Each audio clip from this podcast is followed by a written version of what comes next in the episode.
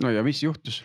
Äh, mitte midagi selles suhtes, et kümme minutit peale keskööd läksid ikkagi šampused lahti ja, ja avastasime, et nagu maailma lõpp seekord jäi ära.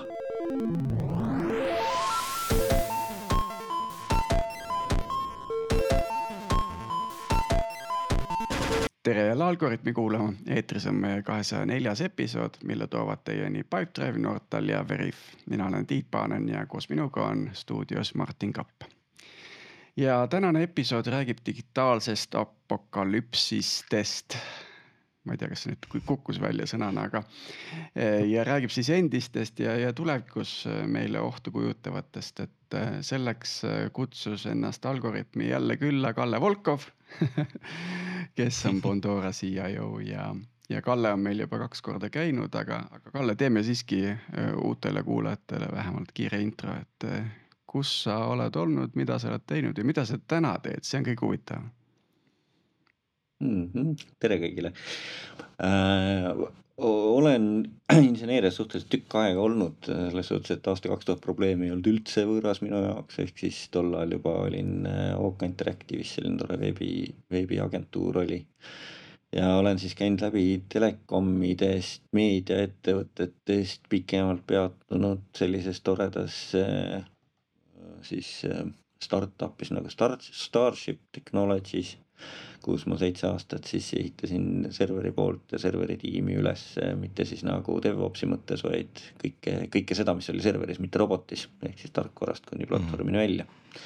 aga nüüd viimased poolteist aastat olen siis Pandoras, mis on äh, kasvav täht, viimased viisteist aastat kasvanud täht Eesti finantstaevas ja, ja olen siin siis CEO rollis ehk Chief Information Officer, vastutan kogu data ja engineering tiimide eest ja vaatan, et me suudaksime mõnusalt kasvada ja laieneda üle maailma mm. -hmm. nii et sul on nii arendus kui haldus kui infosec ja kõik muu, eks ju?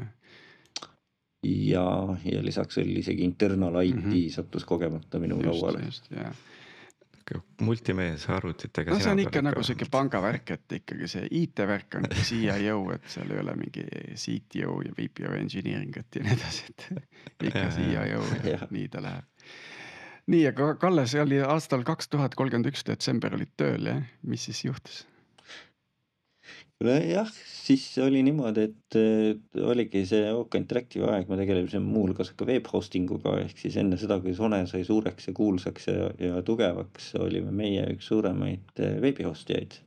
mis tähendas seda, et mingisugune nii, nii mõnigi tuhat Eesti veebi jooksis meie serverites ja, ja noh, tõenäosus, et mõni nendest juppidest, mis tol ajal oli popp seal M-Perlist kuni MySQL-ini välja et seal kuskil jookseb midagi õhku või, või kernel kuskil serveris ei toeta liipi ja saabub aastasse tuhat üheksasada oli suhteliselt tõenäoline ja siis sai istutud ja kontoris vaadatud, et mis siis, mis siis nüüd juhtub.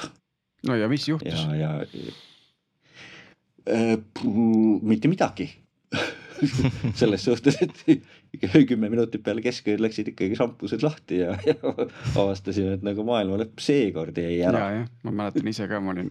vale, vale kuupäev oli öeldud maailma lõpu jaoks olin, olin Hansapanga monitooringu ruumis ja, ja siis kell kaks äh, sain Ollivoodi minna, et siis olid kõik tšekid juba tehtud, et ka ei juhtunud mitte midagi. ilmselt tänu siiski nagu heale ettevalmistus oli hästi tehtud. heale ettevalmistusele ja mm, -hmm.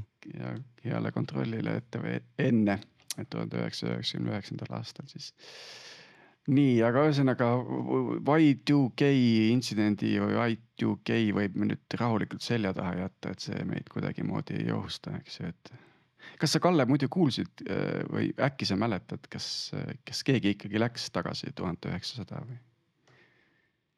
Jaa, seal oli päris palju tegelikult üle maailma, üsna palju ettevõtteid oli sellised, kus olid äh, väiksemad probleemid. Õnneks oli see, et vaata, kuna selle probleemiga hakati tegelema juba aastal tuhat üheksasada viiskümmend kaheksa, kus olid esimesed signaalid, et, et, et maailma lõpp hakkab lähenema ja siis küll kakskümmend aastat effectively ignore'iti seda probleemi. ehk siis äh, nagu enne mingit seal kaheksakümnendate algust tegelikult suurt ei tehtud noh, tegelikult millest üldse see probleem alguse sai, on ju, oli see, et perfokaartidele mahtus jube vähe datat. ja see tähendas seda, et kõik aastanumbrid eh, pandi sinna kahe numbriga paika, ehk siis olid Mm. noh, null, null, null, üks ja nii edasi, on ju. ja, ja siis, kui hakati arvuteid eh, nagu aktiivsemalt kasutama andmetöötluseks ja mitte enam perfokaarte, siis võeti seesama koormus üles, et esimestel arvutitel oli ju teatavasti seal neli kilovatti mälu ja kuusteist kilovatti mälu ja mis siis pidi kõik ära mahutama ja, ja eh, siis oligi, et viiekümnendate lõpus üks, eh, ma ei mäleta, mis ta nimi oli, Bob oli. tema igal juhul hakkas seletama seda, et kuulge, et see on jama, et need tegelikult arvutid peaksid kestma natuke rohkem veel kui nelikümmend aastat ja siis, eh, et, et noh, siis me, meil ei ole enam aega, on ju, aeg saab otsa.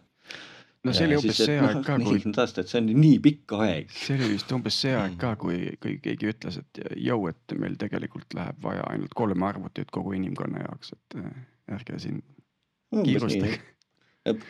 kui on piisavalt suured arvutid ja, ja ja noh, ega tegelikult tänapäeval ka rohkem ei vaja, lihtsalt see on kõik on paras haip, et neid on nii palju vaja.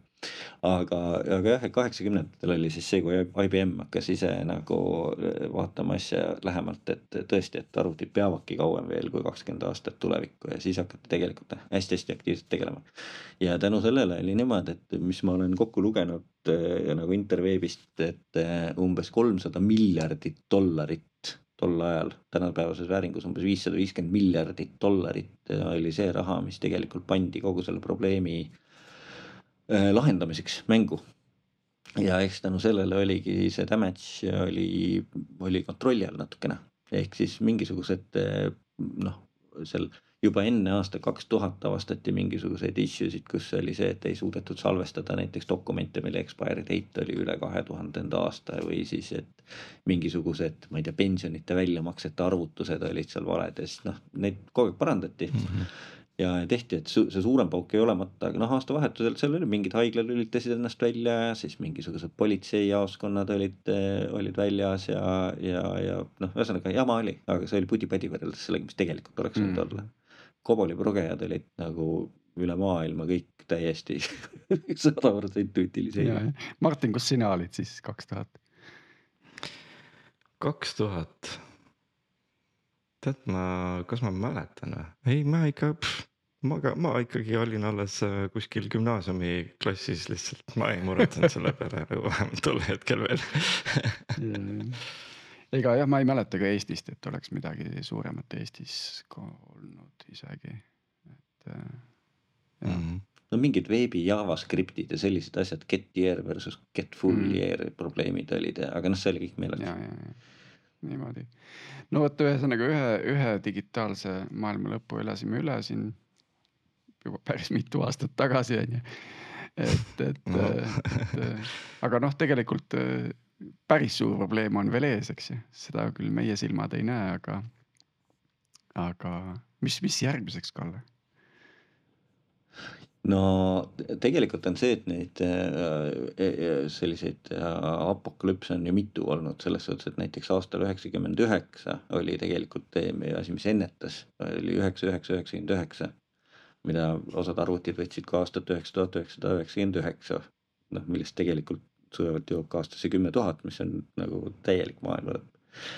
ja, ja siis see on äh, tuhat üheksasada seitsekümmend viis vot see oli nüüd tiitel vist juba olemas, mind veel ei olnud äh,. aga siis oli esimene selline tõsine probleem, kus oli kaheteistbitine number sai otsa äh, siis Unixi süsteemides, kus noh, Unixi süsteemides ajaarvestus käib epohhi järgi on ju, aastast esimene jaanuar tuhat üheksasada seitsekümmend, sellest hakatakse sekundeid lugema. Ja siis seitsekümmend viis sai kaheteistbitine int otsa, täielik jama oli, kõik süsteemid läksid aastast tuhat üheksasada kuuskümmend viis aga siis oli see, et võeti noh, meil ju kuueteist bitised intid olemas ja siis on meil kolmekümne kahe bitised intid olemas, et noh, kolmkümmend kaks bitti, see on maa ja ilm, kogu noh, kõik asjad katab ära, on ju. tänapäeval on kuuekümne nelja bitised intid, see on noh, kakssada miljardit aastat, on ju, et universum saab selle ajaga lõbusalt otsa. Küll aga vahepeal on see, et kuna.... oled sa kindel, minu arust see mustade aukude jahtumine ikka kestab päris palju rohkem aega. Mustad augud võivad seal kesta, aga kui kõik planeedid seal mustades aukudes sees on, siis noh, meil pole sellest nagu väga suurt seda küll. Väga raskeks läheb see elu. õhk saab otsa ja, ja õlut ka enam ei ole. aga aga selles suhtes, et tegelikult noh, see kakssada miljardit aastat, see on kaugel ja kuuekümne nelja bitised süsteemid tegelikult ju tulid suhteliselt hiljuti, kui võtta nagu noh, maailma või arvutusmaailma mõistes ja kogu suurem osa siis tänapäevast compute'i ja embedded maailm on üles ehitatud kolmekümne kahe bitisesse maailma. ja kolmekümne kahe bitiga on nüüd see lugu, et kui saabub jaanuar tuhat üheksasada kolmkümmend kaheksa, vot siis hakkab nalja saama. kaks tuhat kolmkümmend kaheksa. vabandust, kaks tuhat kolmkümmend kaheksa jah ja,. Ja. et siis, siis hakkab selles suhtes nalja saama, sellepärast et eh, pärast siis eh, seda kuupäeva leiame me väga paljude süsteemidega tõenäoliselt ennast aastast tuhat üheksasada üks. Mhm. nii et lihtsalt see sekundite arv ei mahu sinna kolmekümne kahte bitti enam ära jah, sekundite arv, see on siis äh, kaks astmel kolmkümmend üks miinus üks on ju, äh, on siis viimane sekund. see peaks olema, kui ma ei eksi, üheksateistkümnendal jaanuaril kaks tuhat kolmkümmend kaheksa. Äh, jah, vaatan materjalidest järgi öösel kell kolm neliteist UTC mm. aja järgi ja, ja siis tuleb järgmine sekund. nii et ja kes praegu puhkuseid planeerivad, siis kaks tuhat kolmkümmend kaheksa jaanuar üheksateist, et äh, palun mitte, mitte planeerida sinna hetkel puhkust ja, ja siis jah, läheb aeg miinusesse ja, ja, ja jõuame aastasse tuhat üheksasada üks. Mhm. ja kui nüüd niimoodi mõtlema hakata, siis tegelikult see on meil nüüd lähemal kui eelmine maailma lõpp mm -hmm sinnani on ainult viisteist aastat, kui eelmisest on kakskümmend kolm juba möödas, on ju. nii et tõesti samas võib-olla olekski lihtsam siis äh, nagu aja arvamine nagu lihtsalt alustada uuesti sealt, et ja arvestades kõike seda, mis maailmas praegu toimub, ai ja igasugused muud asjad, noh, see on juba järgmine. kusjuures sa alustasid sõnaga apokalüps mm -hmm. ja, ja siis see kaks tuhat kolmkümmend kaheksa probleem tänu Unixi epoch time'ile on kutsutud epokalüpsiks. epokalüpsis jah, selge. niimoodi, okei okay. um, aga mis variandid on, mis, mis tõenäosusega üldse juhtuma hakkab, et tegelikult viisteist aastat tundub nagu mõnes mõttes kaugel, aga ikkagi päris paljud seadmed kestavad. no võivad kesta, isegi kui sa täna ostad, sa kestab viisteist aastat ja mis siis.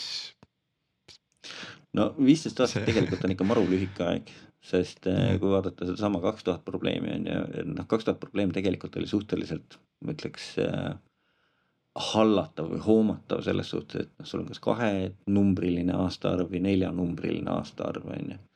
kolmekümne kahe bitised süsteemid versus kuuekümne nelja bitised süsteemid, see on juba natukene teine maailm selles suhtes, et sul juba noh, sisuliselt protsessorisse, protsessori tasemel on tegelikult sul piiratud ära, on ju, siis nagu numbrite kogus, mis sul mahub ühte integeri on ju.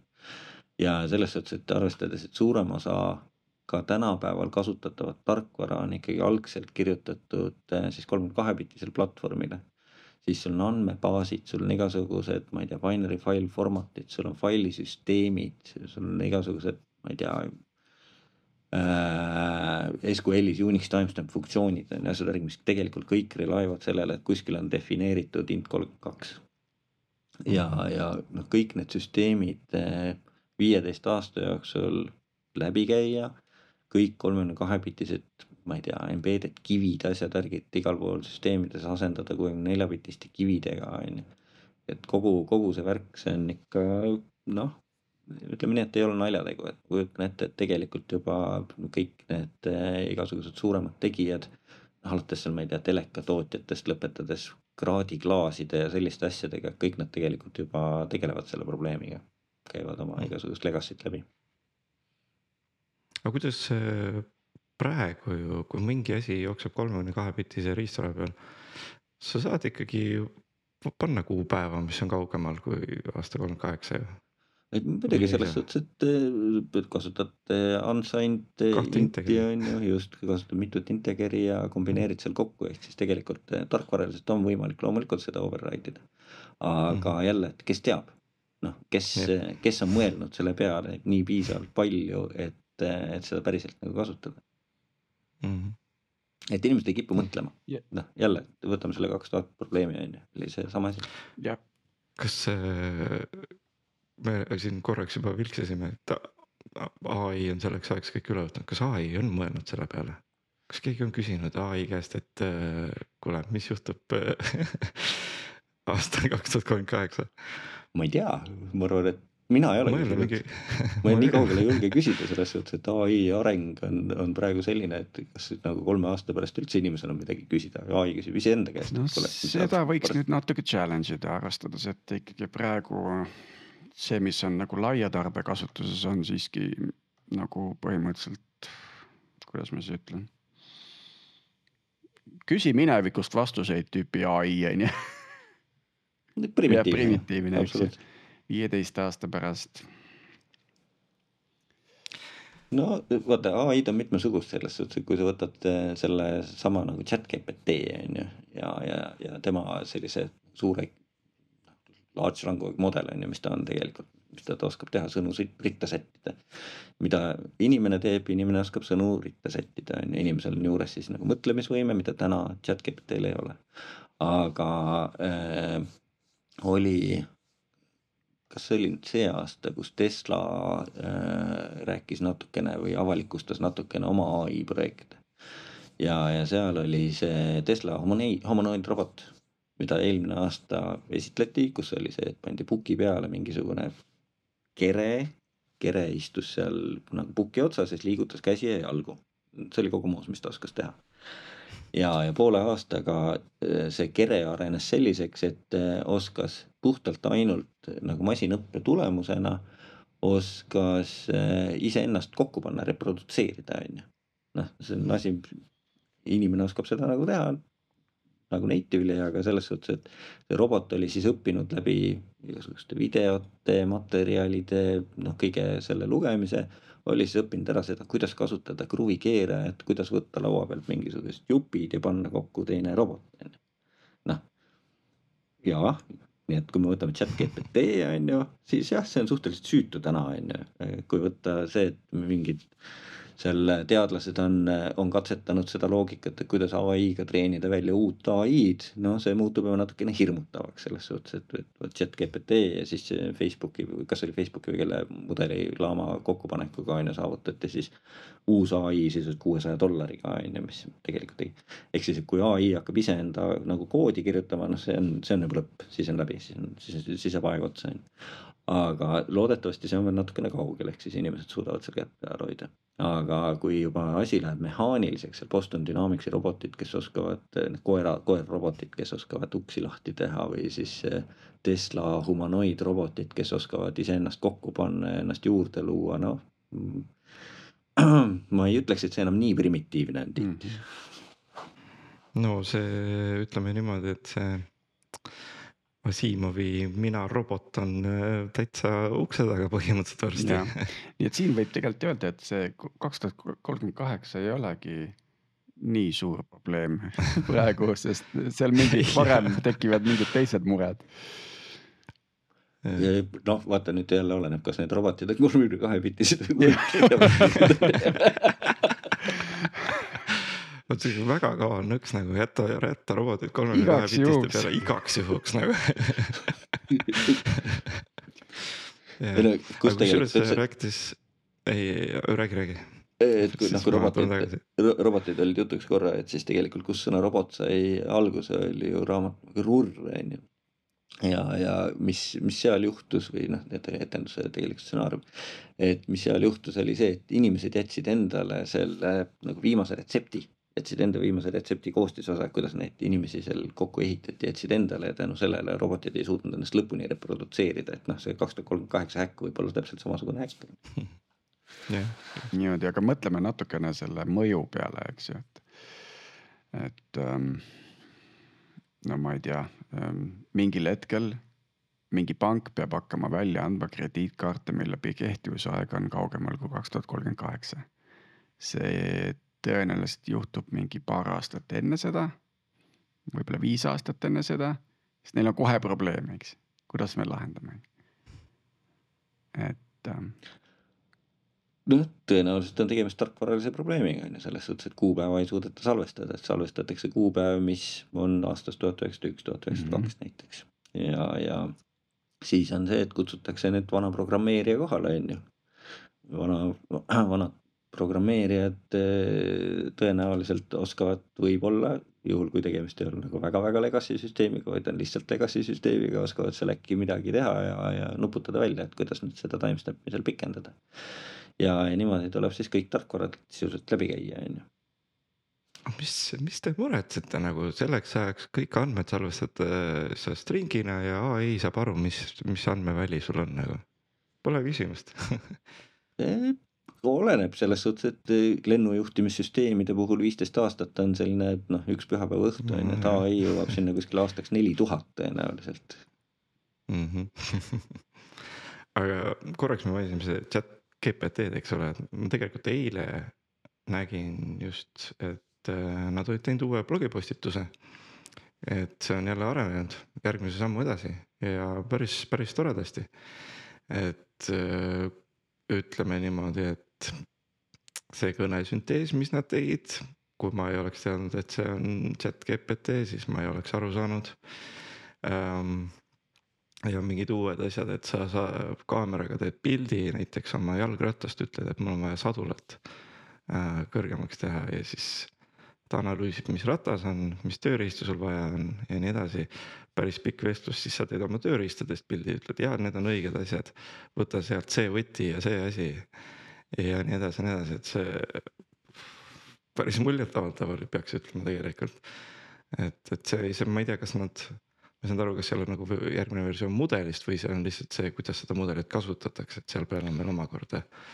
ülihea idee uueks episoodiks jälle vaadata sisse viia inimesed kurssi. nii, aga. aga lihtsalt, et sa pead mõtlema, et see robotite kontekstis ka, et kui tuleb nägemine, kuulmine, rääkimine on praegu olemas. on ju, siis on vaja see panna ainult sisse mingi füüsilise kesta sisse ja siis päris. Paneb mõtlema.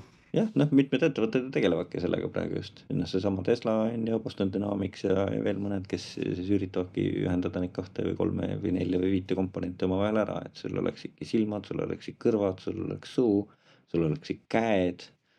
Et oleks, tekiks ühismõtlemine, mis on nagu põhiasi, noh, mille peale just nagu Boston Dynamics on tegelikult hästi palju mõelnud, et kuidas need siis robotid või, või olendid või kes iganes on, käituksid grupiviisiliselt, svarmina on ju, mitte üksi, mitte üksikisikuna, vaid, vaid svarmina, sealt tekibki see jõud on ju, noh mille pärast inimene tegelikult on see, kes ta on evolutsiooni tulemusena, on see, et tekkis just see nagu ühiskonna kontseptsioon on ju, ülemaailmne või, või alguses nagu väiksem ja siis nagu suurenes, suurenes raha ja kiri on ju, tekkisid seal millalgi mõningid tuhat aastat tagasi. sotsiaalne kokkupuude teiste inimestega. just ja, ja sealt tegelikult saigi, saigi aluse nagu see, et inimene on nüüd jõudnud sinna, kuhu ta on, on ju, planeedi üle rahvastanud ja, ja, ja, ja viib nagu päev-päevalt apokalüpsisele lähevad, jube, jube nagu viimse päeva jutt mm..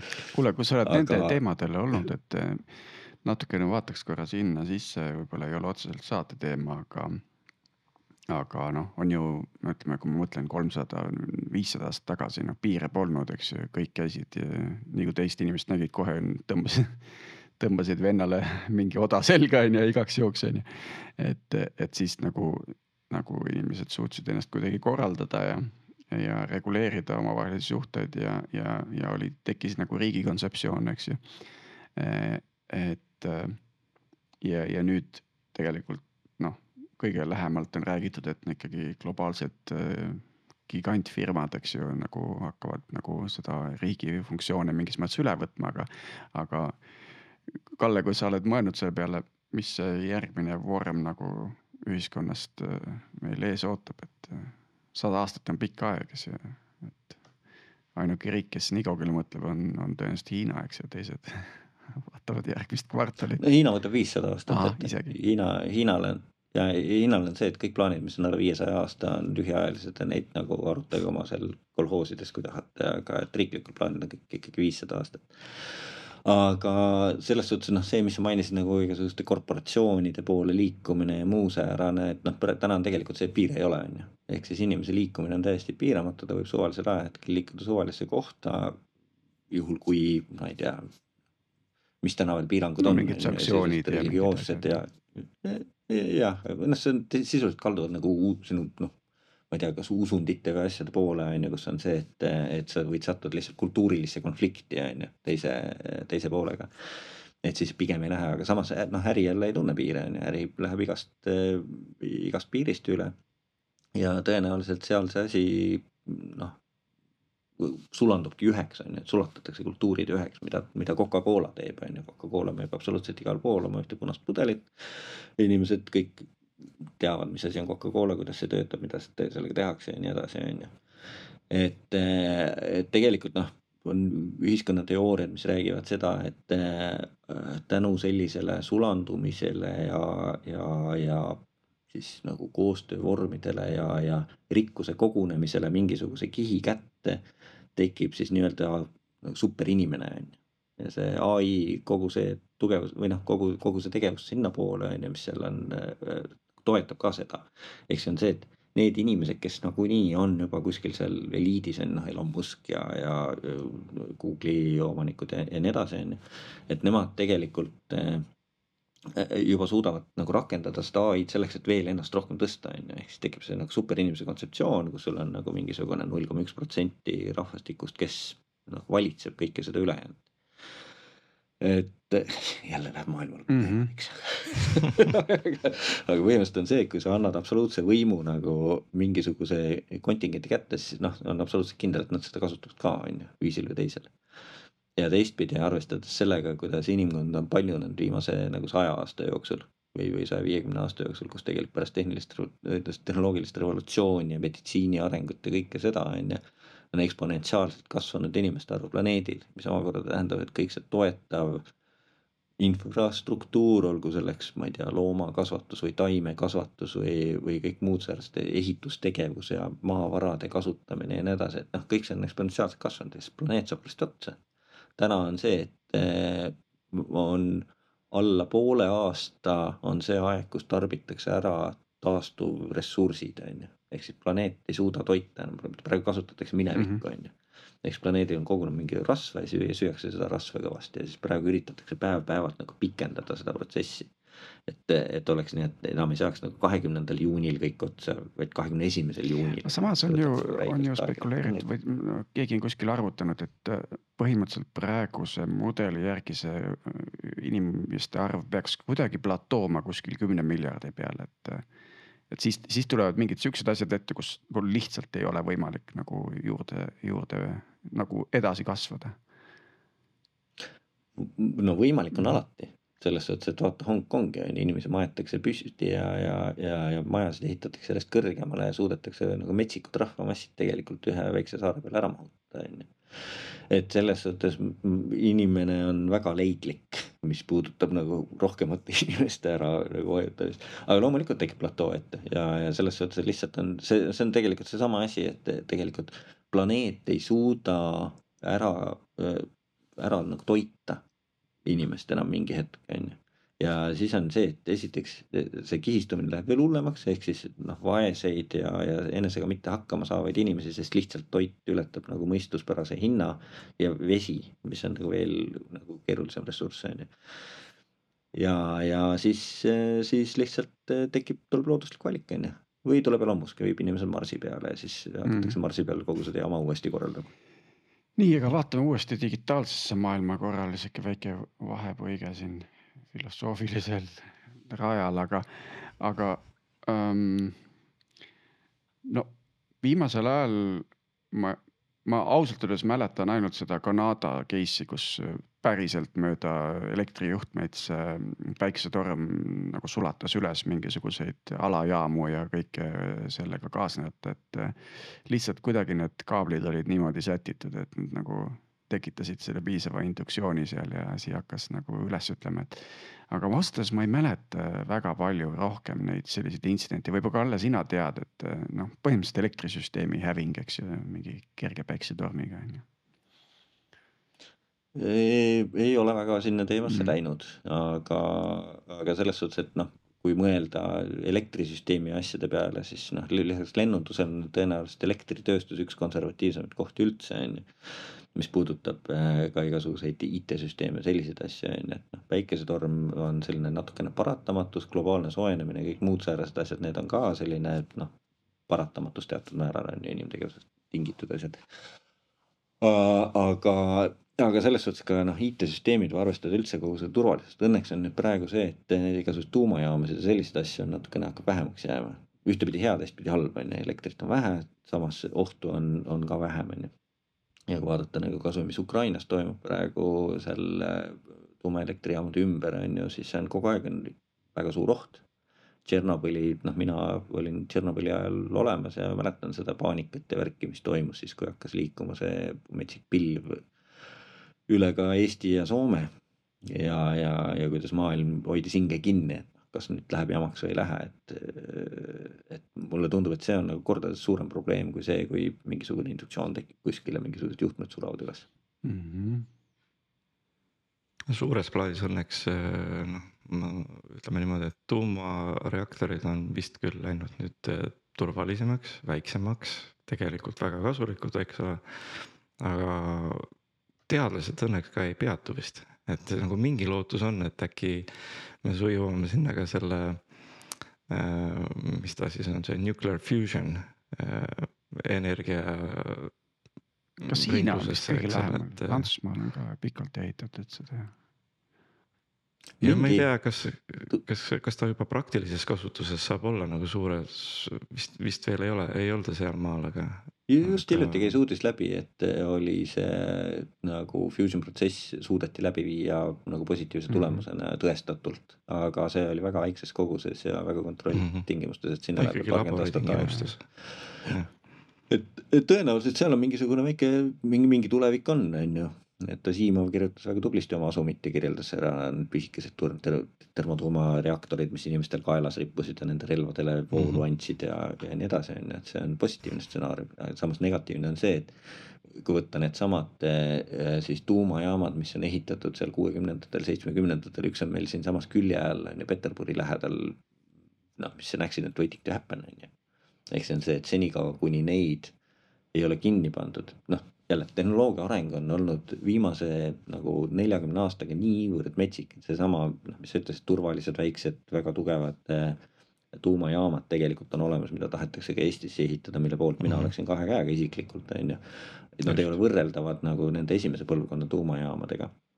mis, jah. mida noh, on Venemaa ja Saksamaa ja tegelikult ka Ameerika täis, on ju. ja noh, mille kohta keegi ei oska öelda, et te- tegelikult kui turvalised nad nüüd täpselt on, on ju. Eriti kui keegi peaks mingisuguse pisikese pommikese sinna peale kukutama, kogemata mm.. Mhm. jälle üks maailma lõpu stsenaarium käes, näed.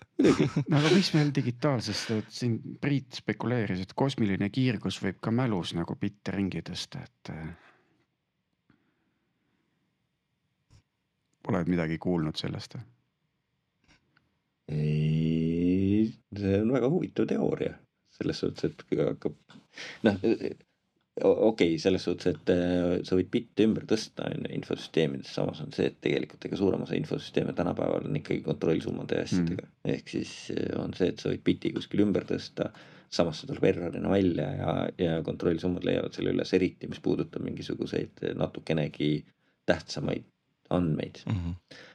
et, et selle koha pealt ma ei usu, et nagu päikesetorm muutub nii targaks, et ta suudab ka kontrollsummat muuta, pigem juhuslikkuse printsiip. tulevad sellised ulmefilmides, et aa, et sul on, meil on nagu mingisugune päikese se- segav mingisugune laine on ees, et asjad ei tööta ajutiselt ja küll aga teistpidi on, mis, mis mulle praegu sellest meelde tuli, on see, et inimfaktor. Selles suhtes, et tänu igasugusele ai-le ja, ja sellisele tugevale compute'ile ja muule säärasele asjale on tugevnenud inimese äh, jõud kasutada kurjasti süsteeme ehk siis tegelikult küberkuritegevus on ka jõudnud on ju suhteliselt uuele lainele ja see on ka noh, kui mõelda sellise apokalüpsise peale. on, on ka täiesti nagu tegija, kui vaadata praegu seda, mis Las Vegases toimub, on ju. äh, Las Vegases ju teatavasti nüüd MGM ja Caesars mõlemad langesid küberrünnaku ohvriks. Ja, ja mõlemad kasiinoketid olid seal viis-kuus päeva nagu täiesti rivist väljas ja samas, kui võtta seda, et tegemist on kasiinod ja siiamaani struggle ivad selles suhtes, et mingid hotelli läbipääsusüsteemid ei tööta ja nii edasi, on ju. MGM maksis minu meelest, ei, Caesars maksis vist viisteist miljonit dollarit nagu lunaraha ära ja siis sai oma süsteemid enam-vähem lahti, aga MGM keeldus maksmast. aga, aga samas on see, et kui võtta seda, et noh, kasiinod on tegelikult maailma kõige turvalisemad kohad, on ju.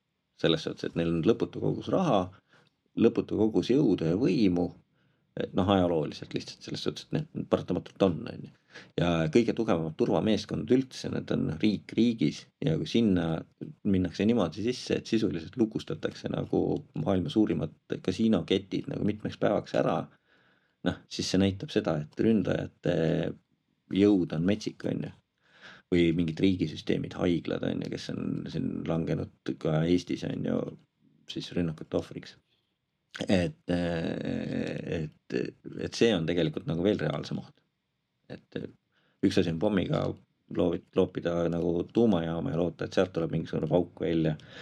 aga teine asi on see, et kasutades siis, ma ei tea, kvantarvutite nagu potentsiaali tulevikus ja, ja siis kogu seda ai nagu tuge, infratuge on ju ja kõike sellist asja tungida siis relvajuhtimissüsteemidesse ja noh, seal on võimalik juba päris korralikult pauku teha. tuleb meelde see üks Die Hard filmidest, kus oli, mis oli Fire Sale või, või oli või?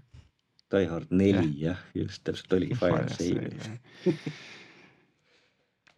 aga kas meil see kõik on jälle nagu suhteliselt sihuke nagu tume, tume ja sünge nagu perspektiiv. kas kas sul nagu mingeid siukseid näiteid, positiivseid näiteid ka on sellest ai-st selles mõttes, et, et kui kurjategijad saavad ai-d kasutada ära oma rünnakute planeerimiseks. kas me saame kasutada ai-d ära, et nagu neid üles leida või takistada või, või. Siis on nagu robotite vaheline võitlus, sihuke nagu maailmade sõda peaaegu noh. absoluutselt, ei no igasugused need turva siis eh, tarkvarade tootjad ju on juba mõnda aega embeedinud igasugust ai-d endale sisse, et leida pattern eid eh, rünnetes, et leida mingisuguseid võimalikke kohti, kus kohas teha, skännivad infrat, eh, teevad seal, loovad mingisuguseid mudeleid, asju, värke on ju et, et selles suhtes seda, seda tehakse. Ja tegelikult ai-st on hästi-hästi palju kasu, kui võtta nagu seda noh, täna, täna on koolides on ju, siis kui chat-GPT tuli välja, siis oli niimoodi, et kõik USA ülikoolid ütlesid kohe seda, et okei okay,, me lõpetame nüüd igasugused kirjalikud tööd ära, et nüüd inimesed kirjutavad nagu pastaka paberiga koolitöid laua taga niimoodi, et kontrollitakse, kas nad päriselt ise kirjutavad. see oli esimene reaktsioon ja järgmine reaktsioon paar kuud hiljem oli see, et me we welcome chat GPT to our world on ju, et kasutage loomulikult seda, aga me kontrollime, et kas te olete nagu kasutanud või noh, kasutanud seda abiks või te olete kirjutanud oma töö. kõige markantsem juhus oli hiljuti oli mingisugune magistritöö, mis oli niimoodi, et oligi chat GPT kirjutatud tervenisti ja, ja, ja ainuke põhjus, miks ta jäi vahele selle tööga oli see, et eh, magistritöös viidati ühele siis seda magistritööd eh, retsenseerinud õppejõu tööle, mida ta ei olnud kunagi kirjutanud. eks põhimõtteliselt on see, chat GPT error on see, et ta leiutab source'e mm, -hmm. allikaid. ja, ja siis oli see, et oli omistatud siis ühele õppejõule mingisugune töö, mida tegelikult ei olnud olemas ja oli viidatud sellele, tsiteeritud ja tehtud nagu suurepärast nagu tööd iseenesest, aga noh, ainuke jama, et seda allikat ei olnud olemas, on ju. aga, aga samas noh, see abijõud, mida osutatakse just nimelt nagu tudengitele ja, ja see igasugune keeleanalüsaator, noh mille jaoks chat-GPT on suurepärane tööriist, on see, et annad talle kirjatüki ette, ütled, mis sa sellest arvad mm. -hmm ja, ja siis ta pakub välja kümme parandust on ju näiteks. või siis see, et äh, aita mul brainstorm ida seda, et mis võiks olla mingisugused, ma ei tea, kõige paremad äh, teemad oma, ma ei tea, diplomitöö jaoks on ju. ja siis ta pakub mingid bullet point'id välja ja siis sa hakkad neid sisustama ise. ja, ja selle jaoks on ta nagu hästi-hästi suurepärane vahend mm -hmm. ja põhimõtteliselt ongi niimoodi, et ka ülikoolid tänapäeval on siis paika pannud enda nagu sellise compliance'i äh, dokumendi siis, et, et mis, mis on see, mille jaoks nagu seda kasutada, mis on see, millega sa ei tohi kasutada. ja siis, ja siis on need ai detektorid, kus on see, et annad töö sisse ja küsid, et kas selle kirjutas chat GPT on ju. või mõni teine ai mudel või LLM. kuulge, aga räägiks natuke storage'ist ka, et, et erinevad meediumid, meediad, mis infot salvestavad, eks ju. ma mäletan mingil hetkel õnnestus vist endal ka leida CD, mille ma olin kirjutanud kunagi ammu, mis enam ei olnud loetav. et äh, lindid, USB pulgad, kogu see kraam, mis kuskil istub kõvaketaste peal. nii edasi, nii edasi, et, et äh, noh, mingi, mingi hetk vist vahepeal oli see natukene nagu need äh, device'id olid veel nagu nõrgemad, nüüd on vist kuidagi nagu jälle leitud mingi uuemad tehnoloogiad, mis nagu suudavad kauem vastu pidada. ma ei tea, kas sa, Kalle, oled sinna ka sisse vaadanud, et äh, kui ma nagu USB pulga peal hoian oma kõige tähtsamaid pilte nagu kolmkümmend aastat, siis tõenäoliselt nad enam ei ole loetavad no selles suhtes, et kui sa hoiad oma kõige tähtsamaid asju USB pulga peal, siis sa oled lihtsalt natuke mm. rumal on ju. aga ma kujutan ette, et neid inimesi on päris palju no selles suhtes, et alustame sellest, et removable storage iseenesest on ebaturvaline, on ju, selles suhtes ta võib sul ära kaduda lihtsalt. sest kõige lihtsam viis, kuidas oma nagu kõige tähtsamat infot nagu sellest ilma jääda, on lihtsalt see, et sa kaotad selle USB pulga ära või sa kaotad oma CD kette ära, on ju. et see see juba sätib nagu mingisugused piirid paika, et kus kohas on mõistlik hoida, kus kohas on ebamõistlik hoida. Noh, ja ma mäletan ise ka tegin kaheksa, üheksakümnendate keskel back-up'e tat lindi peale on ju ja siis olid nad kõik toredad ja siis mingisugused lindid läksid katki ja kulusid ära ja siis oli nagu hullult jama. aga siis oli selline tore asi nagu redundancy ehk siis on see, et alati, kui sa teed back-up'i, sa teed ikkagi mitme lindi peale on ju ja teed inkrementaalselt ja teed full back-up'i ja siis teed jälle inkrementaalselt et eh, ega inimesed õpivad läbi nende asjade, mis lähevad kehvasti. Mis on nagu Storage poole pealt võib-olla täna hästi, on see, et eh, kõik suuremad Storage'id on ju pilves. on ju, mis tegelikult tähendab seda, et ükskõik, kas sa kasutad Microsofti tooteid, kas sa kasutad Google'i tooteid, kas sa kasutad mingisugust kolmandat lahendust. suure tõenäosusega on ikkagi see, et see noh, päris Storage, mis sul on, on sul pilves või vähemalt on back-up pilves. Kui sa ei ole just selline inimene, keda ei huvita või kes on nagu nii turvaline, et ta lihtsalt põhimõtteliselt ei back-up'i endale midagi sellepärast, et äkki sealt läheb jalutama, mõtlemata selle peale, et tegelikult turvalisuse olulisem aspekt on see, et sul on olemas back-up. ja, ja pilved on tänapäeval ka ehitatud ikkagi suhteliselt targalt ehk siis on see, et eh, noh, kõikidest, kui sa võtad näiteks, ma ei tea, Amazoni on ju, siis äh, igast S3-e nagu paketist on olemas koopia kuskil mujal regioonis. Et äh, oli kunagi probleeme selles suhtes, et ka Amazon oli suhteliselt nagu isoleeritud oma data center'ite asjade värkidega ja siis ma mäletan, kui kunagi, see oli viisteist aastat tagasi circa kaks tuhat kümme, midagi sinnakanti, oli see, et Iirimaa data center'isse lõi välk sisse mis tähendas seda, et tegelikult kõik kolm availability tsooni, mis olid, mis olid Iirimaal, kõik lendasid õhku. Instagram oli maas, ma ei tea, mingisugused igasugused muud toredad asjad, kõik oli nagu maas ja oli päevi maas ja osad Storagit ei saadudki tagasi. sellepärast, et lihtsalt ei olnud äh, olemas offsite back-up'i nagu S3-st, mingisugune, ma ei mäleta, kas see oli viis protsenti datast läkski kaduma lõplikult. ja, ja, ja noh, midagi teha ei ole. ja siis sellest õpiti nagu väga selgelt ja Amazon pärast seda kohe tegi nagu suure-suure projekti selle kohta, kus oli see, et kõik asjad peavad olema redundantly backed up eh, nagu teises regioonis ja, ja, ja, ja siis on kõik olemas. et eh, kui nagu neid strateegiaid kasutada, siis ma ei usu, et dataga nagu väga halvasti läheb. Eh, kui pilves hoida, aga samas jah, isikliku meedia peal noh, jälle siis see on sinu valik, on ju, et äh, sa pead arvestama sellega, et isiklik meedia alati läheb katki. jah, loomulikult sul lähevad SSD-d lähevad kiiremaks ja paremaks ja turvalisemaks ja töökindlamaks äh,. igasugused kaasaskantavad meediad muutuvad samamoodi tänu sellele nagu palju reliable imaks, aga äh,. aga noh, ikkagi see on single point of failure nagu igal viisil. arvuti võib maha kukkuda, on ju, keegi astub peale, auto sõidab üle ja sul ei ole seda arvutit enam ja juhul, kui sul ei ole seda arvutit enam, siis sul ei ole seda datat, mis seal sees on, juhul kui sul ei ole back-up'i. et siis alustada kasvõi sellest, et kui sul on isiklik asi on USB pulga peal pane ta ka teise USB pulga peale kasvõi juba, juba see on parem kui ühe peal. absoluutselt ja samamoodi on see, et kui sul on üks on USB pulga peal, teeb back-up mingisugusele välisele kõvakettal või sisemisele kõvakettal või teeb pilve back-up. et, et juhul, kui sul on nagu üks asi, siis see üks asi läheb katki kindlasti Mhm. varem või hiljem, pigem varem. mäletan Skype'i ajal me rääkisime sellest ka, et tegelikult peer-to-peer ise oleks potentsiaalselt nagu storage space, eks ju. kes teab täna, mis on kõige suuremad peer-to-peer lahendused praegu kasutusel? ega neid vist väga liiga palju ei ole. liiga keeruline. selles suhtes, ta on keeruline jah, sellepärast et kogu see, neid node'ide arv on nagu nii palju, see on nagu noh, internet on metsikult suureks läinud. vanasti oli noh, siis kui Skype tuli, siis tegelikult oli device'ide arv nagu internetis oli ikkagi hoomatav Mm. Tänapäeval ta enam ammu ei ole hoomatav selles suhtes, et see, see ja, ja teine asi oli see, et tol ajal oli ka compute oli jube kallis ja compute oli hästi distributed, noh, seesama asi, et inimestel oli lauaarvutid, mis oligi põhiline compute.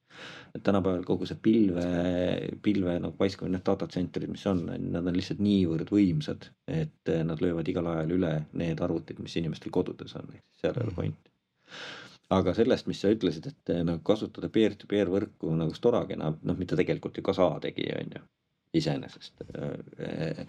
siis oli see, et ma mäletan ühte ideed, õnneks oli loll idee, aga oli see, et tegelikult on niimoodi, et juhtmetes, juhtmetesse mahub mingisugune kogus bitte, mis on in transit, on ju. et tegelikult võib kasutada juhet Storagena. juhul, kui sa suudad seda in transit bitte hoida kuidagi kontrolli all fantastiline idee, eks ole. juhet jätkub. paned, teed siukse ümmarguse suure kaabli ühest otsast kuidagi lased sisse. näpistad sealt valguskiirusest väikse. Kra-, kraani, kraaniga lased sealt natuke välja. ma nüüd ei, aga muidu see peer-to-peer'i koha pealt eh, tegelikult eh, eh, mulle tundub, et kasutatakse. Eh, noh, mina, ma olen näinud näiteks mängusüsteemides osades eh, just eh, andmete allalaadimiseks, selleks, et, et sul ei oleks üks Mm. toru, vaid sul on mitu toru ja vahel sa saad ka naabri arvutist võib-olla nagu tüki ja kokku tuleb sulle lihtsalt nagu suurem läbi, läbilaskevõime et kas seda just noh, peer-to-peer tehnoloogia on seal all ilmselt, aga see ei ole selline reklaamitud umbes, et sa saad ainult nagu mingi naabri arvutist selle asja ja teisest arvutist selle asja, see on pigem nagu sihuke komplimenteeriv äkki või. et, et kui sul on nagu mingisugune võimekus olemas ja et sellist lahendust ma nagu olen näinud, aga, aga tõesti, kui hakata mõtlema, et mis, mis veel on nagu peer-to-peer kõnesid enam keegi ei tee. kõik käib läbi andmekeskuste, pilvede. tavaliselt telefonikõned isegi käivad ju läbi sul NSA datacentri on ju. et et, et selles suhtes okei okay., aga jah, et noh, see näide, mis sa tõid, on väga hea näide, et jah, et sa saad kuskilt kõrvalt arvutist endal palju kiiremini mingisuguse suure koguse datat kätte, samas teistpidi ka see muutub järjest irrelevantsemaks mm. sellepärast et needsamad datacentrid on meil iga nurga peal. Ehk siis, kui sa võtad Mhm. Amazoni, siis Amazonil eh, juba datacentreid on ikkagi nagu kümnetes, kui mitte sadades. ja selliseid eh, storage ruume, kus hoitakse siis mingit vormdatat, noh, sellised popid on point of presence'id. Neid on tegelikult juba kindlasti sadades, kui mitte tuhandetes üle maailma.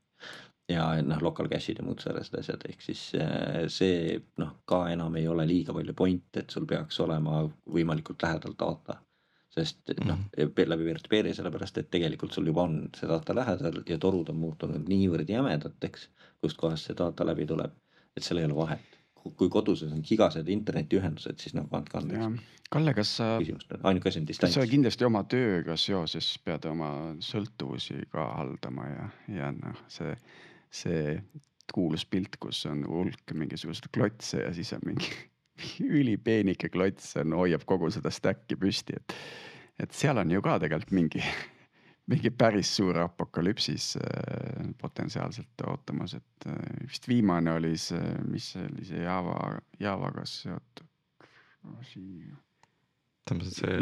ja, ja, ja, ja. Log4j. Log4j jah, jah.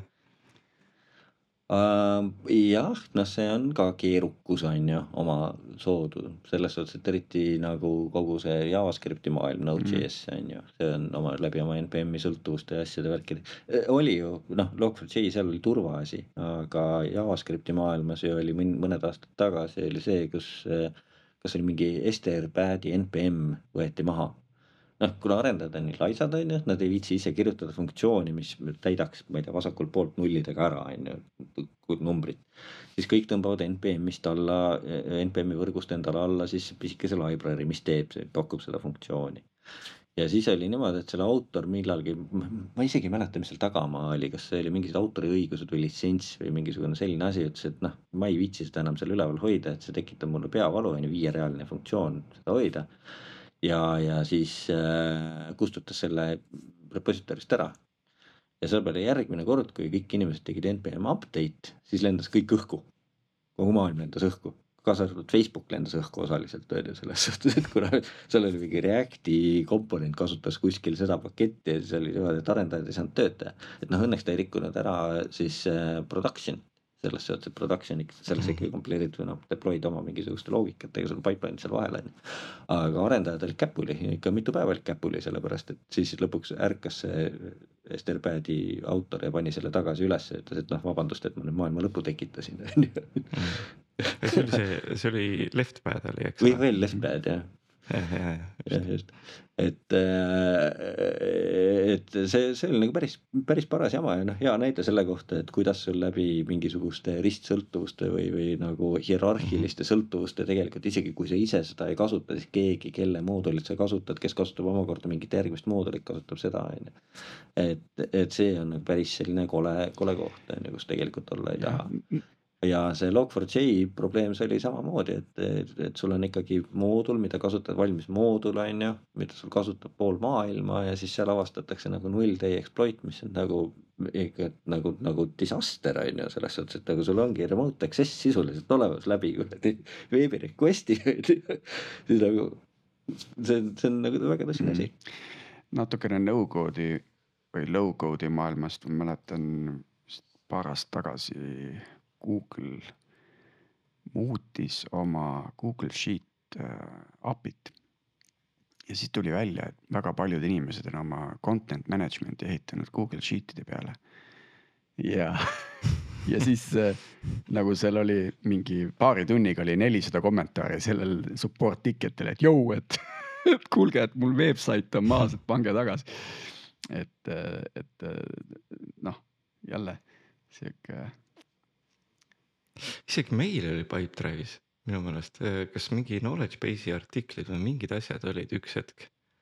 oli ka samamoodi, tõmmati andmed nagu Google Sheetsidest. ilmselt see ei ole praegu enam teema, aga tõesti tuleb ette, et mm. isegi meil oli nagu mingisugune mingi teema ja, sellega. ma pidin oma, oma süsteemi täitsa ringi ehitama teise library peale, sest see esimene library enam seda API-t ei toetanud ja oligi kõik nii. ja niimoodi, kas me oleme nüüd kõik sel, võimalikud stsenaariumid läbi käinud? ei, kindlasti mitte, selles suhtes, et maailma lõpetada on võimalik veel miljardil erineval moel, ma kujutan ette. Äh, ja, ja, ja tõenäoliselt ka tehnoloogiaga selles suhtes, et, et see et lihtsalt nagu olles oma olemuselt või vähemalt püüdes olla optimist ja mitte liiga palju mõeldes, oleme kukkunud nagu niivõrd paljude erinevate stsenaariumite peale, et endal hakkab juba natukene mm. hirmus mm.. et võib-olla siia saate lõpuotsa no, me peaks sa... nagu natukene nagu mingit retsepti ehitama, et mida, mida siis ette võtta või kuidas valmistuda, et, et mm. oled kindlasti selle peale ka mõelnud, on ju, et kui ühel hetkel lihtsalt ei lähe telefon käima ja, ja arvutis on mingi gamma ja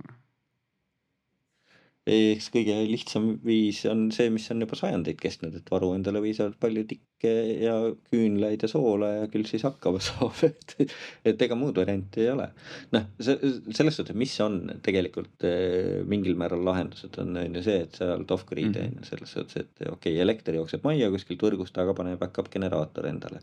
selles suhtes, et siis sa vähemalt saad mingi aja hakkama on ju, või pane akud ja päikesepaneelid saad mingi aja hakkama, noh, see ei ole see on küll rohelisem, aga ta ei ole niivõrd sustainable, sellepärast et Eesti on ju, Eesti kliima on kehv. päikest ei ole nii palju. kommunikatsioon on vist Noh, ka oluline mis-, et kui sul ikkagi on mingisugune lühilaine raadio või midagi, et siis äh, tõenäoliselt ikkagi säilib mingi kommunikatsioon. lühilaine raadio on üks variant, samas lühilaine raadio saatjaid on tegelikult juba suhteliselt vähe, on ju, ega kogu Mhm. see digitaalne Mhm. maailm on sellega asendanud, on ju. noh, see, et sul oleks mingisugust süüa on ju natukene olemas, et sa ei oleks tsivilisatsioonist täiesti irdu- või noh, juhul kui sa oled irdunud, pane kelder endal konserve täis, on ju.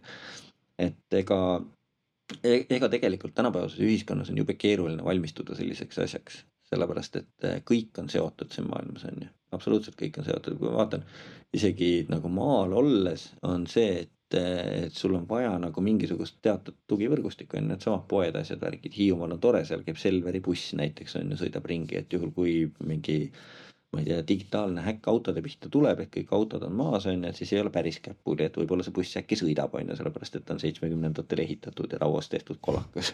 seal ei ole midagi digitaalset sees ja, ja noh, inimeste sõltuvus tegelikult internetist ja, ja kogu sellest infrastruktuurist on noh, ka niivõrd eh, metsik, et ma ei kujuta ette, millised need tööd on, mida tänapäeval on võimalik teha ilma näiteks võrguühenduseta, on ju ka kraavi kaevamine on selline asi, kus sul on vaja GPS-i, sellepärast et mõõta välja täpselt, kus kohas see on ja kust töötab üle GPS, GPS on ju ka üle võrgustiku. juhul kui sa tahad täpselt saada, sul peab olema internet seal sees on ju, Entripi data jookseb sisse ja nii edasi, nii edasi. et selles suhtes, et eh, inimene on iseennast sidunud niivõrd palju ära kogu sellise nagu tehnoloogilise pusaga alates seal sellest eh, nagu industriaalrevolutsioonist. et ega midagi polegi teha, tuleb lihtsalt leppida sellega ja ära surra.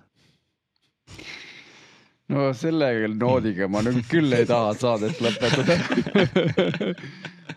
ma ise mõtlen tihtipeale inimesed muidugi kujutavad ette asju hullemana, kui nad potentsiaalselt realiseeruvad, eks ju, kuni nad ei, Mhm. ei ole see lõputsenaarium täiesti lõplik, eks ju. siis ähm,, siis äh, keegi ilmselt midagi kuskil võtab ette et, kõrgemad jõud. äh, kuskil on jah, inimesed ennast ei no õnneks on, et võtame kasvõi Eloni, eks ole, vähemalt tema plaanib saata inimesed Marsi peale ära, kui midagi hulluks läheb mm.. noh, vähemalt, vähemalt midagigi. kas see, kuidas teil seal see välja tuleb, no seda ma ei, muidugi ei tea, aga seda me näeme noh, seesama asi, millest ma alguse poole rääkisin, et eh, see nagu superinimese rass nagu, mis välja areneb, homo deus on ju, et tegelikult see tõenäoliselt jääb ikka alles ja siis tekib uus maailmakord ja, ja uus, uus värk hakkab kõik algusest peale, mm. mis on okei okay.. kas ähm, sul, Kalle, on mingi aimdus ka, et kust nurgast järgmine pauk tuleb? digitaalses võtmes Äh, peale kaks tuhat kolmkümmend kaheksa. või enne seda, et me siin natukene juba rääkisime nendest sõltuvustest, asjadest, eks ju, et aga ega ei noh, ma ütlen, seesama Mhm. ai tegelikult on praegu kõige, kõige kriitilisem koht selles suhtes, et juhul kui nagu äh, ai areneb edasi niimoodi, nagu ta areneb ja juhul kui kvantarvutid arenevad edasi nii, nagu nad arenevad, siis need kaks asja omavahel kokku panna saab päris lõbusa nagu oleku. jah, kui ma mõtlen, kui, kui fuus, mis see eesti keeles on? termotuumareaktsioon. termo, jah, termotuumareaktsioon, just. Fuusio, fuusion, fuu-, fuusio, mul on soomekeelne sõna ajus. kui, kui see ai areng ja, ja robotite reprodutseerimine juhtub nagu samal hetkel, siis on küll vist päris keeruline vastu võidelda. lõputu energia koos lõputu nagu reprodutseerimise võimekusega ja, ja sa ise tahtsid positiivse ma noodiga tahtsin jah, ei tulnud no ei, ma just mõtlen, jah. et nagu, et ma, ma nüüd nagu ka küsiks vastu, et näed, aga, aga miks see on, miks me, miks see tundub nii hirmus mm.? äkki need on head robotid? äkki ai on hoopis, ta on palju, praegu palju naiivsem, palju sõbralikum, ta ei ütle sulle. Miks me siis kardame seda? no vot, see on hea küsimus, miks me neid kardame. ma arvan, et Terminaatori film oli see, mis meid ja, ära ja võib-olla me kardame seda sama põhjusel nagu kunagi Hollywood meie esivanemad kartsid äh, mäge, mäe taga olevat teist hõimu ilma põhjuseta. jah, täpselt. aga võib-olla ongi, võib-olla pigem ongi pigem see, et äkki, me kardame seda küll praegu, aga pärast ei Jah. olegi midagi. äkki on jube hea, äkki nad on jube head äh, abilised nagu. noh, nii juba füüsil-, juba, juba ju nagu intellektuaalsel tasemel juba natuke nagu on, varsti füüsilisel tasemel ka äkki. jah, nojah, oleneb, keda nad ohuna hakkavad endale ette kujutama, just sellest sõltub. ma muidugi ei tea, kas see et äh, robootika kolm seadust on, on selles chat GPT-sse sisse programmeeritud või ei noh, ole. ütleme, meie ei tunne sipelgaid ohuna. eks ju, et kusjuures see chatGPT või noh, üldse kogu see OpenAI konsortsium, nad, mille pärast kogu see arendus täna võtab, LLM-ide arendus võtab nii palju aega, on ju tegelikult see, et nad implementeerivad just nimelt neid robootikaseadusi. turvaprotokoll jah. jah, sest muidu oleks see asi palju kiiremini käinud ja, ja, ja juba praegu oleks nagu suhteliselt. kuulge, ma lõpetan. positiivse noodiga. tuleb välja, et kogu maakera sipelgate kogumass on sama suur kui inimeste kogumass. mõtleme selle peale korra. ja tuleb välja ka seda, see, et Prantsusmaalt leiti sipelgate koloonia, mille käigurajad ulatuvad ja nüüd kuulake kuue tuhande kilomeetri kaugusele Siberisse ja see moodustab ühe sipelgate ühiskonna. see on nüüd leitud, tõestatud geneetiliselt ja nii edasi. me arvame, et me oleme siin ilged kunnid, aga no baby. siin on mingid vennad, kes on ilgelt töökad ja suudavad tõsta, ma ei tea, kümme korda oma kehamass ja, ja tõenäoliselt võtavad selle asja mingil hetkel üle. Aga kuulge, oota, see oli pidi positiivne. Stsenaarium. ma ei suutnud, ma ei suutnud ikkagi, aga need faktid tõmbasid mulle endale ka nagu what, nii palju, nii kaugele ulatuvad. aga ühesõnaga aitäh, Kalle, et tulid saatesse, aitäh meie kuulajatele, et viitsisite meie heietusi siin kuulata ja järgmine nädal jälle uutel teemadel, tänud ka Martin, et aitasid saadet vedada ja kuulmiseni siis juba nädala pärast. Thank you.